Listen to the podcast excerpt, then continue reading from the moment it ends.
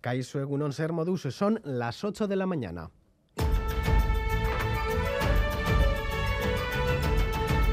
Crónica de Euskadi con Lier Puente.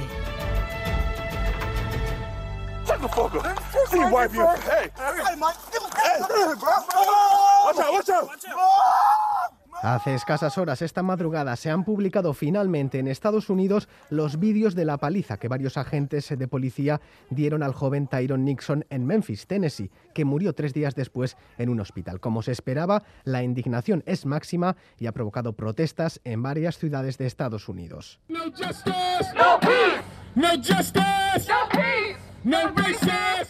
El presidente estadounidense Joe Biden se muestra profundamente dolido al ver el vídeo.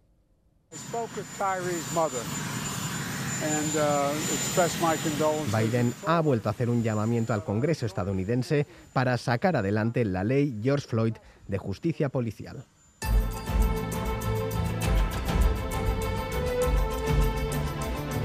La actualidad viene cargada de noticias internacionales. Las reacciones internacionales continúan tras el atentado en Jerusalén. Al menos siete personas han muerto y varias más han resultado heridas en un ataque armado a una sinagoga. El sospechoso ha disparado desde un automóvil. La tensión aumenta en la región. En Hebrón han salido a la calle a celebrar el ataque.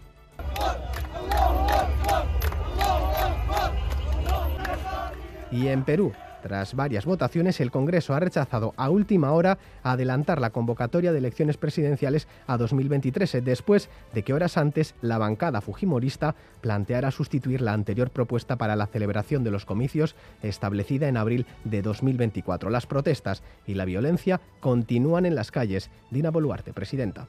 Hay más bloqueos, hay más violencia y violencia desde el Ejecutivo y desde mi persona, yo hago un llamado al Congreso. Y la sanción al buque de rescate vasco Aitamari rondará entre los 60.000 y 80.000 euros por siete deficiencias en una inspección en 2020 en Italia. Algo más de dos años después, el gobierno español ha incoado el expediente. Salvamento Marítimo Humanitario ve intencionalidad política por parte del gobierno italiano. Íñigo Mijangos es su coordinador. Nos lo contó anoche en Gambara. Las inspecciones Paris-Mou es, es un protocolo establecido por diferentes países, es un procedimiento ordinario mm, para, para vigilar la seguridad en la mar. Lo que ha sucedido en nuestro caso concreto es que esta herramienta utilizada para, para la vigilancia de, de los barcos eh, se ha utilizado con fines políticos. Ha avanzado que presentarán alegaciones a la sanción. Y en Bilbao, numerosas personalidades de la política vasca se acercaron ayer hasta el tanatorio para dar el último adiós a Rodolfo Ares, entre ellos el endacari actual Iñigo Urcuyu, el secretario general del PSN Cuandueza o el endacari del gobierno del que formó parte Ares, Pachi López. Por todo lo que ha sido en el ejercicio de la política, por la labor importante que realizó también en su responsabilidad como consejero de Interior en el Gobierno vasco. Me siento terriblemente feliz por saber que ese reconocimiento no es un reconocimiento única y exclusivamente de la familia socialista, sino que gente de otros partidos, de otras organizaciones, de otros movimientos están hoy acompañándonos. Y por eso hoy se va una parte de, del socialismo vasco, se va una parte de Euskadi, pero también se va una parte de, de mí.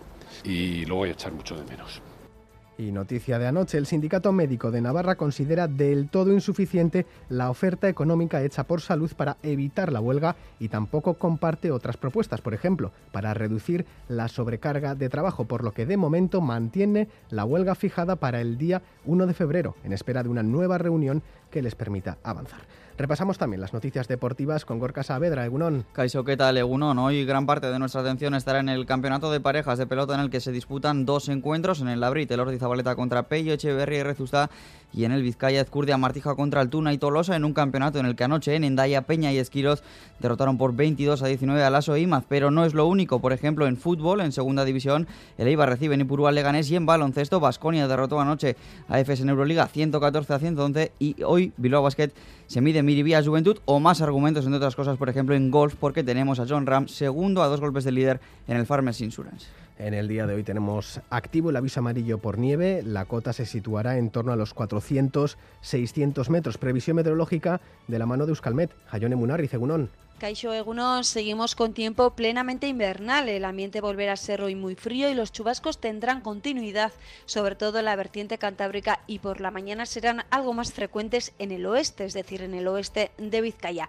La cota de nieve se moverá entre los 500 y los 700 eh, metros. En el sur de Álava y mitad sur de Navarra, a pesar de que también van a predominar las nubes, es difícil que llegue la precipitación.